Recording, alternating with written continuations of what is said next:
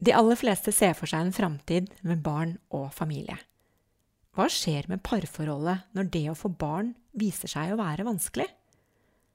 Og hvordan oppleves forholdet til venner og familie som stadig minner deg på at du bør vel få barn snart? Og hva gjør en voksen kvinne når livet må defineres på nytt fordi ingenting ble slik hun hadde planlagt og håpet? Dette kan du lese mer om i boken Barnløs Boken kan bestilles i bokhandelen. Du kan kjøpe den portofritt på barnløs.no. Og hvis du sender meg en e-post, så kan jeg skrive en hilsen til deg i boken. Da sender du til boken barnlos i ett ord at gmail.com.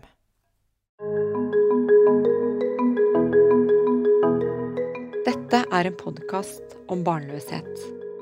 Jeg ønsker å finne svar på hvorfor temaet er så viktig for oss. Jeg vil grave frem fakta på området, og ikke minst dele de viktige historiene bak.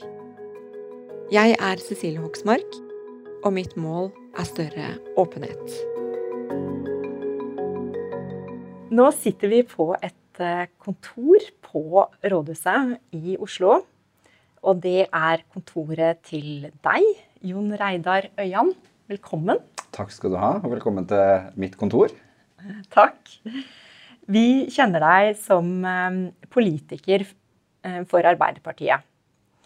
Men kanskje også fordi du har et veldig brennende engasjement for en spesiell sak. Og jeg vil gjerne helt først spørre deg om du kan eh, fortelle om deg selv til en person som da ikke kjente deg, hva, hva ville du da ha trukket fram? Det var et stort spørsmål, men jeg tror at jeg ville ha sagt at jeg er en urbanisert bondesønn fra Trøndelag. Eh, hvor jeg har to steder jeg kaller for hjem. Det ene er Snillfjord i Sør-Trøndelag, nå Trøndelag. Og det andre er Oslo, som er byen min. Eh, I tillegg så vil jeg vel si at jeg eh, er en person som eh, i hele mitt liksom, hva skal jeg si, oppegående liv, altså fra jeg på en måte begynte å bli engasjert i ting, alltid har engasjert meg i likestillingskamp, mangfoldskamp. og det å kunne være seg sjøl, uansett om hva du har blitt utstyrt med hjemmefra, og hvordan livet foran deg kanskje ser ut, uten at du helt veit hva det bringer. Og jeg eh, må jo eh, få lov å grave litt i barndommen din og oppveksten din. For du har jo selv blitt eh, eh da, Eller i intervjuer så har du selv fortalt historien din som da du kom ut av skapet som homofil. Og jeg vet ikke hvor stor denne Snillfjordbygda er. Men det kan jo tenkes da at dette var et lite bortgjemt sted som ikke ligner på dagens Oslo, hvor det kanskje ikke hadde vært så vanskelig å komme ut av skapet. Har du lyst til å dele historien din? Absolutt. Jeg er jo fra lita bygd i Snillfjord. som heter, altså Snillfjord er jo liten i seg sjøl, den har 1000 innbyggere. Men den bygda jeg kommer fra der, den har 20 fastboende. Eh, så det var faktisk sånn at eh, i første klasse på barneskolen så måtte jeg ta båt til skolen. Eh, det er 3,5 km til nærmeste nabo. Og Der er jeg oppvokst på en stor bondegård med to foreldre, en mor og en far, og to eldre søstre. Og så hadde jeg en veldig fin barndom, og alt stemte jo egentlig ut ifra at jeg skulle bli en god heterofil sønn.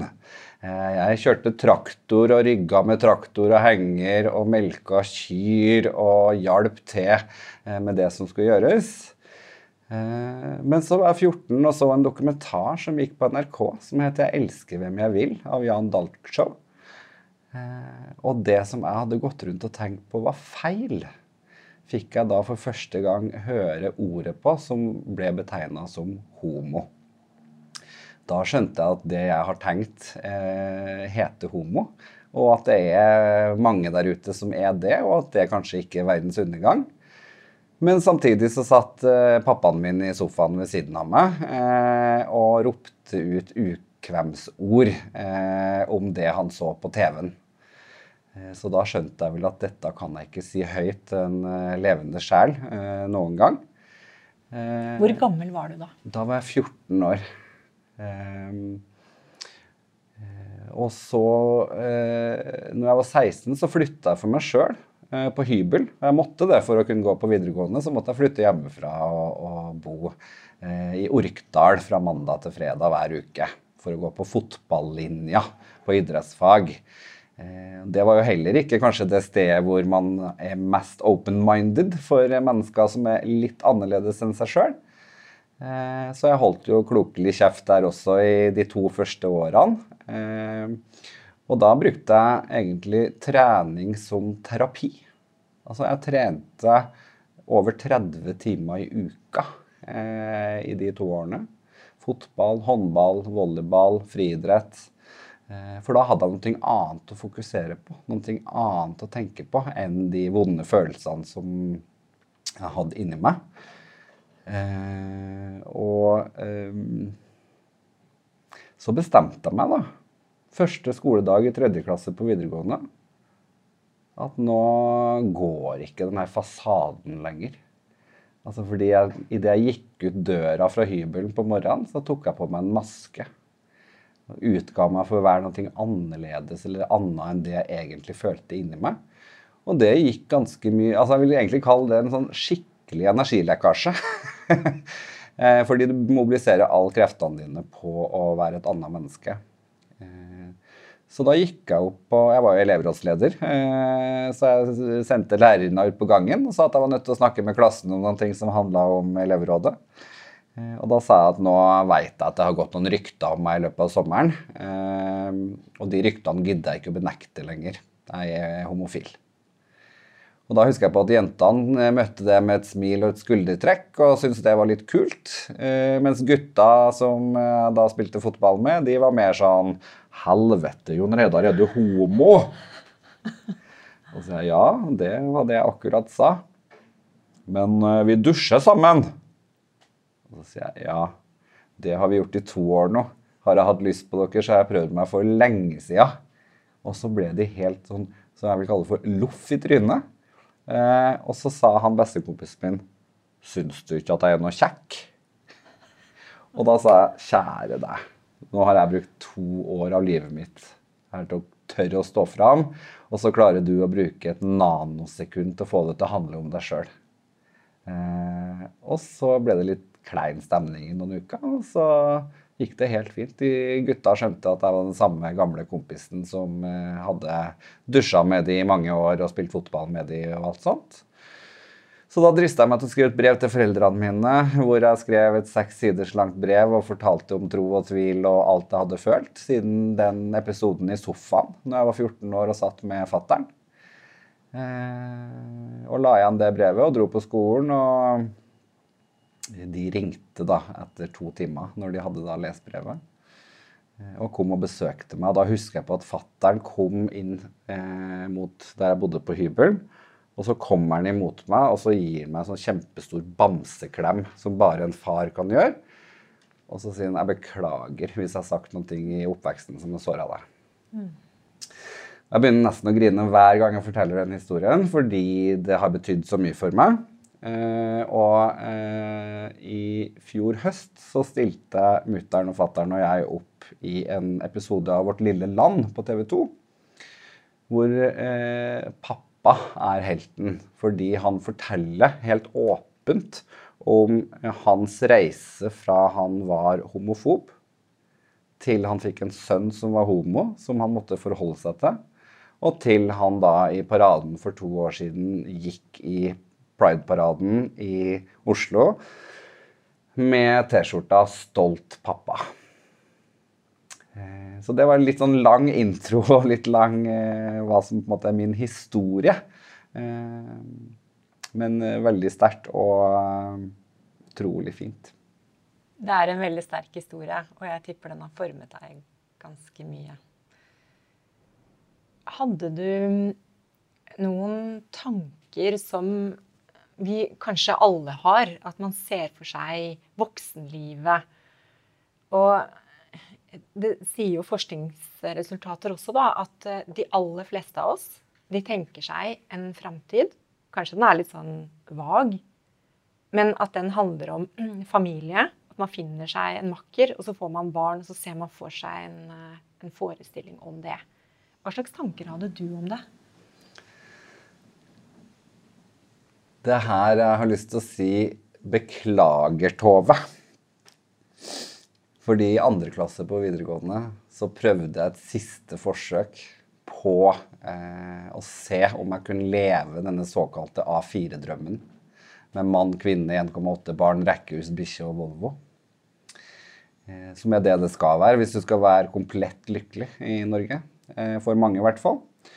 Eh, men det funka jo ikke helt sånn som eh, det skulle. Og eh, Tove og jeg ble, var jo mer bestevenninner, eller bestekompiser, om jeg kan si det. Og i ettertid så har jeg sagt unnskyld til hun, og hun har Hun tok det veldig fint. Men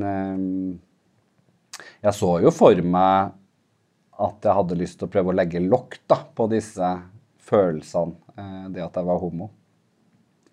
Og jeg husker på når jeg var 17, så fikk eldstesøstera mi sitt eh, barn. Og da opplevde, fikk jeg en fryktelig sorgreaksjon. Fordi jeg skjønte på det tidspunktet at dette er mest sannsynlig noen ting som jeg aldri kommer til å få oppleve.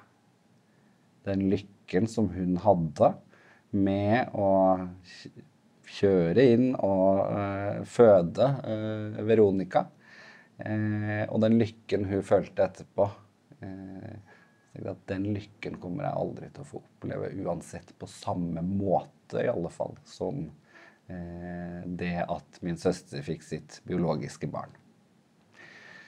Så da fikk jeg rett og slett en sorgreaksjon. Han syntes det var fryktelig tungt eh, å tenke på. Nå har du jo blitt eh, voksen, kan man vel si? Det vil jeg i aller høyeste grad si. 39 år. Snart, ja. snart, hvit mann pusher 40, men heldigvis homo. um, og da vet jeg fra det jeg har lest om deg, at du har fått ganske mange kommentarer. Ikke nødvendigvis fordi du er homofil, men fordi at du har tatt et ganske tydelig eh, standpunkt, eller hvordan du selv ønsker å leve livet ditt. Kan du dele litt om det? Ja, altså Jeg uh, har jo uh, virkelig Det er ikke et eneste fiber i kroppen min som har lyst på barn. Altså Eh, jeg er helt overbevist om at jeg tror og ganske sikker på at jeg kunne ha blitt en skikkelig god pappa. Eh, men det passer ikke inn i hvordan jeg ønsker å leve mitt liv. Eh, og det mm, handler jo rett og slett om friheten til å kunne velge å bruke tida mi på det jeg har lyst til å bruke tida mi på. Det handler jo om at jeg har mer lyst til å eh, dra på en helgetur til Paris eller Berlin på impuls eh, enn å da eh, være nødt til å planlegge livet mitt i hver minste detalj for å få tidsklemma til å gå opp. Fordi du skal levere i barnehagen, og du skal kjøre på fritidsaktiviteter og Eh, kanskje får du noen barn som har større utfordringer enn andre barn, som krever ekstra oppmerksomhet. Eh, alle de tingene der. Eh, så jeg har i tillegg da til min biologiske familie, som bor i Trøndelag, så har jeg min valgte familie i Oslo. Og det er mennesker som jeg er såpass glad i, som gjennom mange år har blitt en del av min aller nærmeste vennekrets som er min biologiske eh, eller ikke-biologiske familie i Oslo. Så eh, f.eks. Vibeke og Gaute, som er et heterofilt par, eh, som jeg har kjent siden 2011. De har to flotte sønner på ni eh, og tolv. Og de er på en måte min sånn nærmeste Oslo-familie. Jeg tar med de gutta på kino, og vi gjør en del fritidsaktiviteter. Eh, så jeg er litt sånn, jeg kaller meg for tøyseonkel for de, i tillegg da til de åtte eh, onkelbarna i hermetegn som jeg har i Trøndelag. Så jeg får dekka mitt behov med, med det, egentlig. Du sa helt i starten når vi snakket om eh, hva du tenkte da om fremtiden som voksen, når du da var barn, og så sa du Du brukte ordet 'komplett lykkelig'. Altså ingrediensene som vi tenker oss i dag, skal til for at vi skal bli komplett lykkelig. Eh, og jeg er jo i den samme kategorien at jeg også tenker, eller hva jeg har tenkt, da, at det er en oppskrift på hvordan man får et lykkelig liv. Hva, har du noen tanker rundt det? Ja, og I tillegg så mangler jeg jo enda en indikator på at jeg kan være, uh, oppleve den komplette lykke. Og det er jo at jeg er singel også. Uh, fordi jeg har opplevd så mange ganger opp igjennom uh, mitt liv at jeg blir direkte spurt om har du kjæreste, kan du tenke deg barn, har du barn, har du lyst på barn? som om det er noen ting de menneskene som har spurt om det, har noen ting med. Fordi jeg tenker egentlig at Det er ganske sånn personlig, nesten litt sånn privat eh, spørsmål å drive og skal eh, spørre mennesker som du ikke kjenner så veldig godt om. Så for meg så har det vært litt sånn rart at det evinnelige fokuset på uh, det spørsmålet uh, Nesten jeg mistenker at den norske befolkning er så dårlig på smalltalk at det eneste de skal spørre om, handler om barn og kjærester. Du, men det handler nok en gang om at sånn den der A4 som jeg nevnte, altså eh, mann, kvinne, 1,8 barn, rekkehus, bikkje og Volvo, at det er fasiten på eh, den evinnelige lykke. Og så har jeg valgt å innrette livet mitt på en annen måte. Jeg har vært singel nå i ni år. Har hatt to flotte kjærlighetsforhold bak meg på henholdsvis tre år og fire år. Jeg eh, var samboer med han siste. Men nå Og da måtte jeg jo på en måte øve meg, husker jeg på, når det ble over, på å trives i mitt eget selskap igjen. Eh, og så, eh, etter noen år, så har jeg trives jeg skikkelig godt i mitt eget selskap. Og så møter jeg så mye mennesker gjennom jobben min som politiker i bystyret i Oslo og Eh, gjennom andre fritidsaktiviteter. At, at eh, jeg får dekka på en måte det sosiale behovet. Og så bruker jeg mine aller nærmeste venner til å snakke med om alt mulig mellom himmel og jord.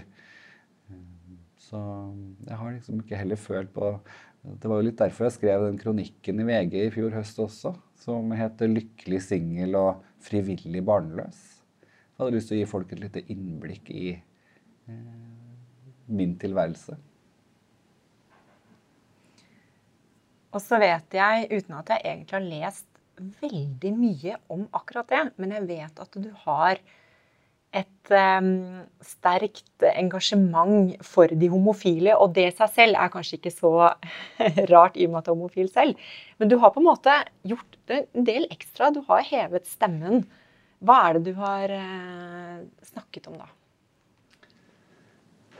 Ja, det som mange kanskje syns er veldig rart, er at uh, jeg i mange år har jobba så beinhardt for at andre homofile skal kunne få barn.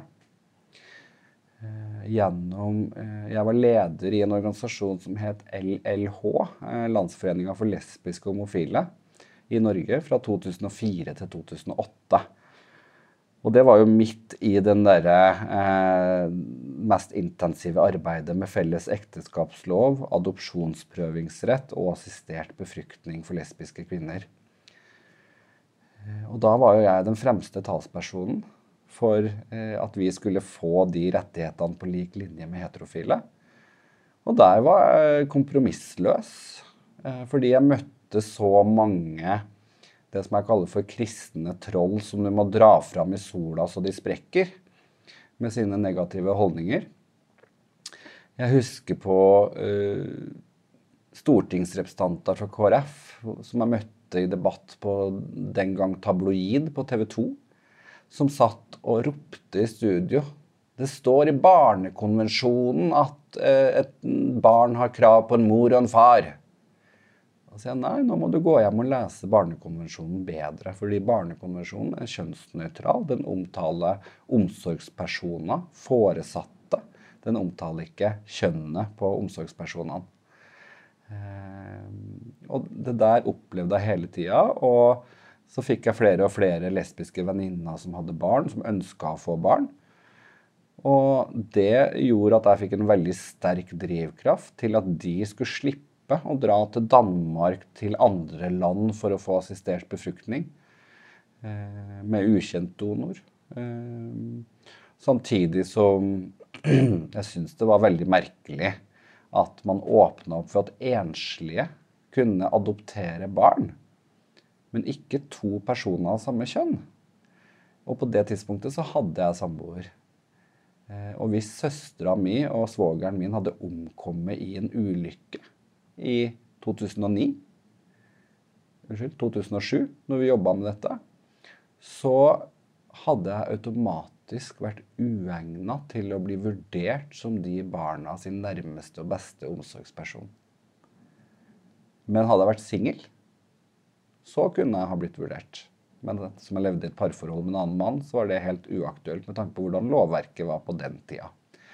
Og for meg så var det veldig sånn missing link. Altså, da var det ikke snakk om eh, hvem har best omsorgsevne lenger. Da var det snakk om rett og slett ihugga fordommer mot kan to personer av samme kjønn ha ansvaret for å ta seg av et barn.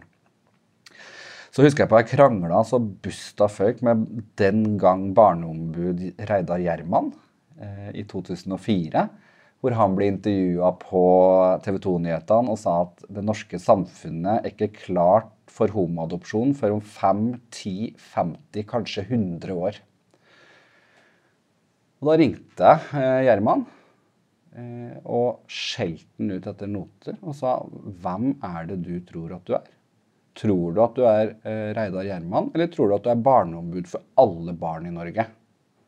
Og så ble han helt eh, stille. Altså, du må ta inn over deg. Det er mange barn i Norge i dag som vokser opp med foreldre som er lesbiske eller homofile. Den uttalelsen du kom med nå, gjør at disse barna føler ikke at du er barneombud for de. Og det er det faktisk noen ting som du skal være.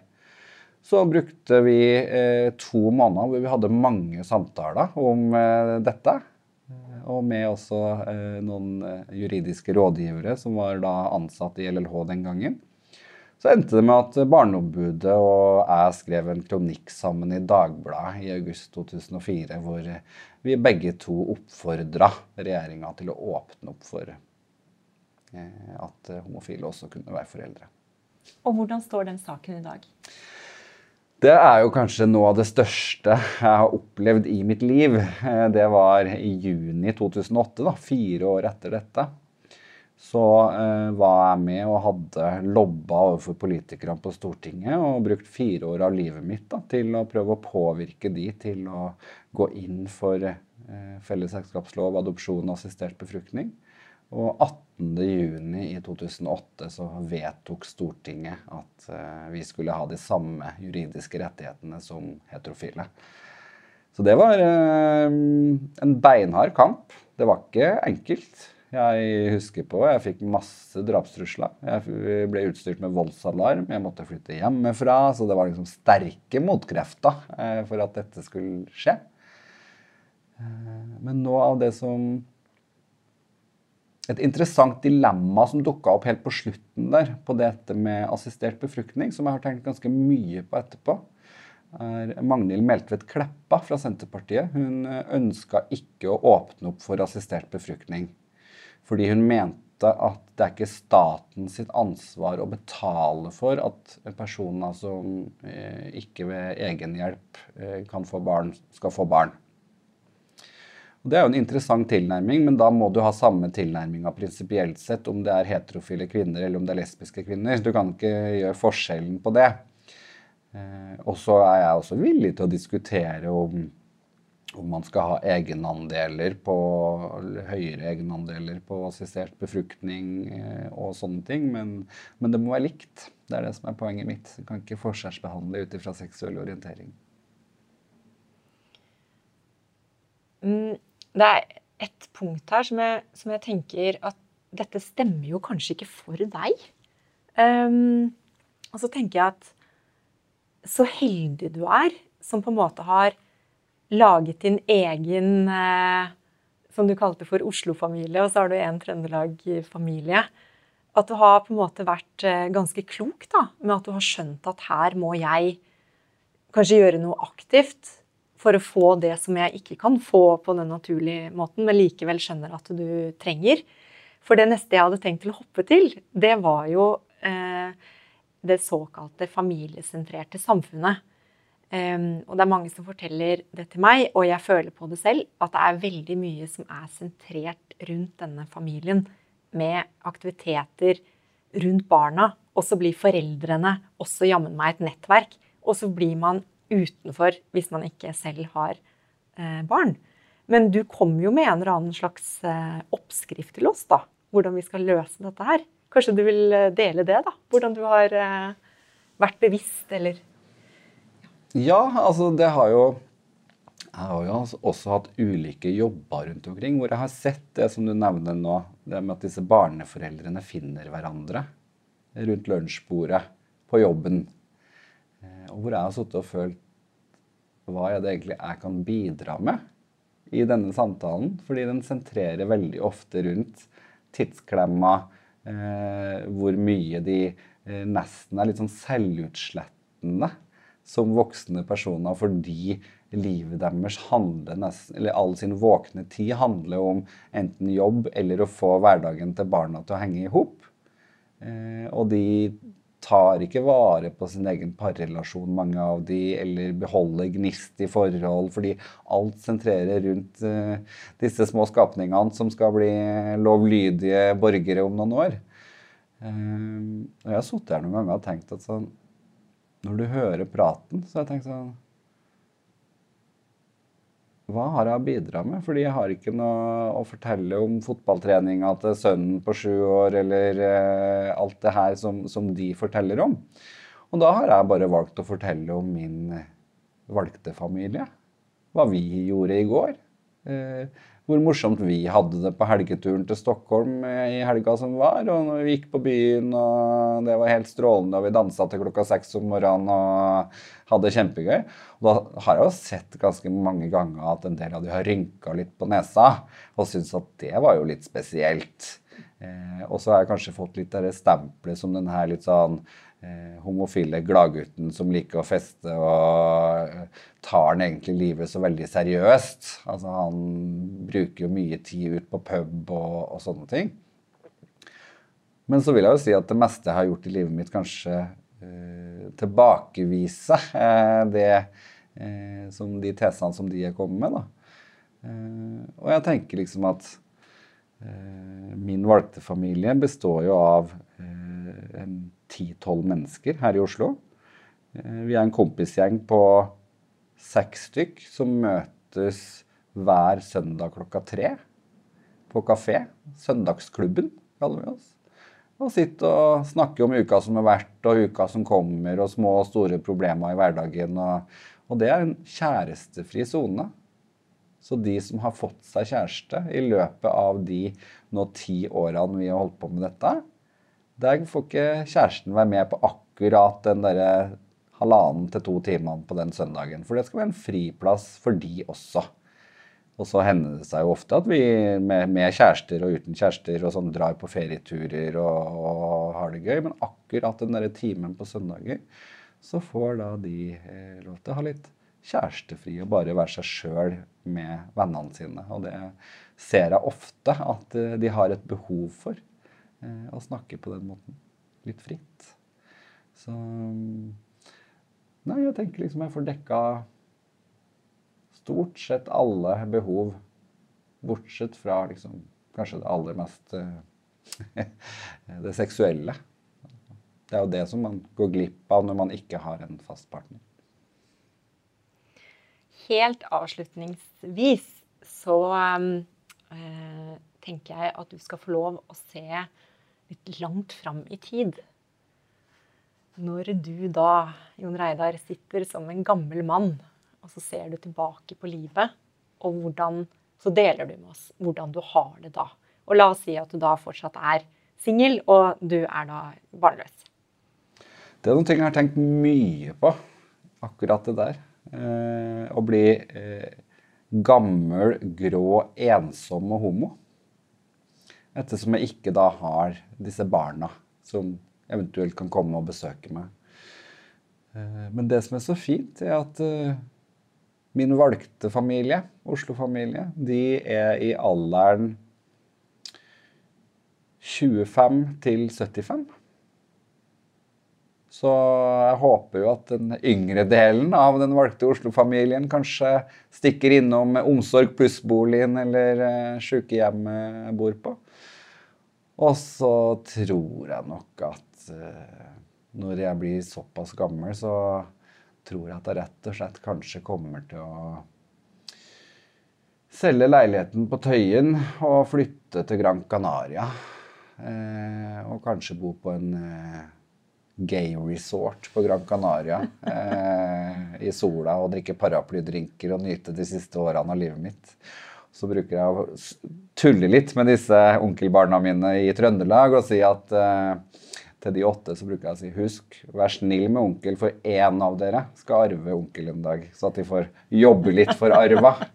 Nei da, det er litt tull. Uh, men uh, nei, jeg tror at vi kompisene kommer til å holde sammen, og forhåpentligvis så havner mange av oss på det samme eldrehjemmet, Omsorg pluss-boligen. og kan drive og sulle rundt og eh, ta vare litt på hverandre når vi ikke har denne biologiske familien som lenger Eller som ikke tar vare på oss.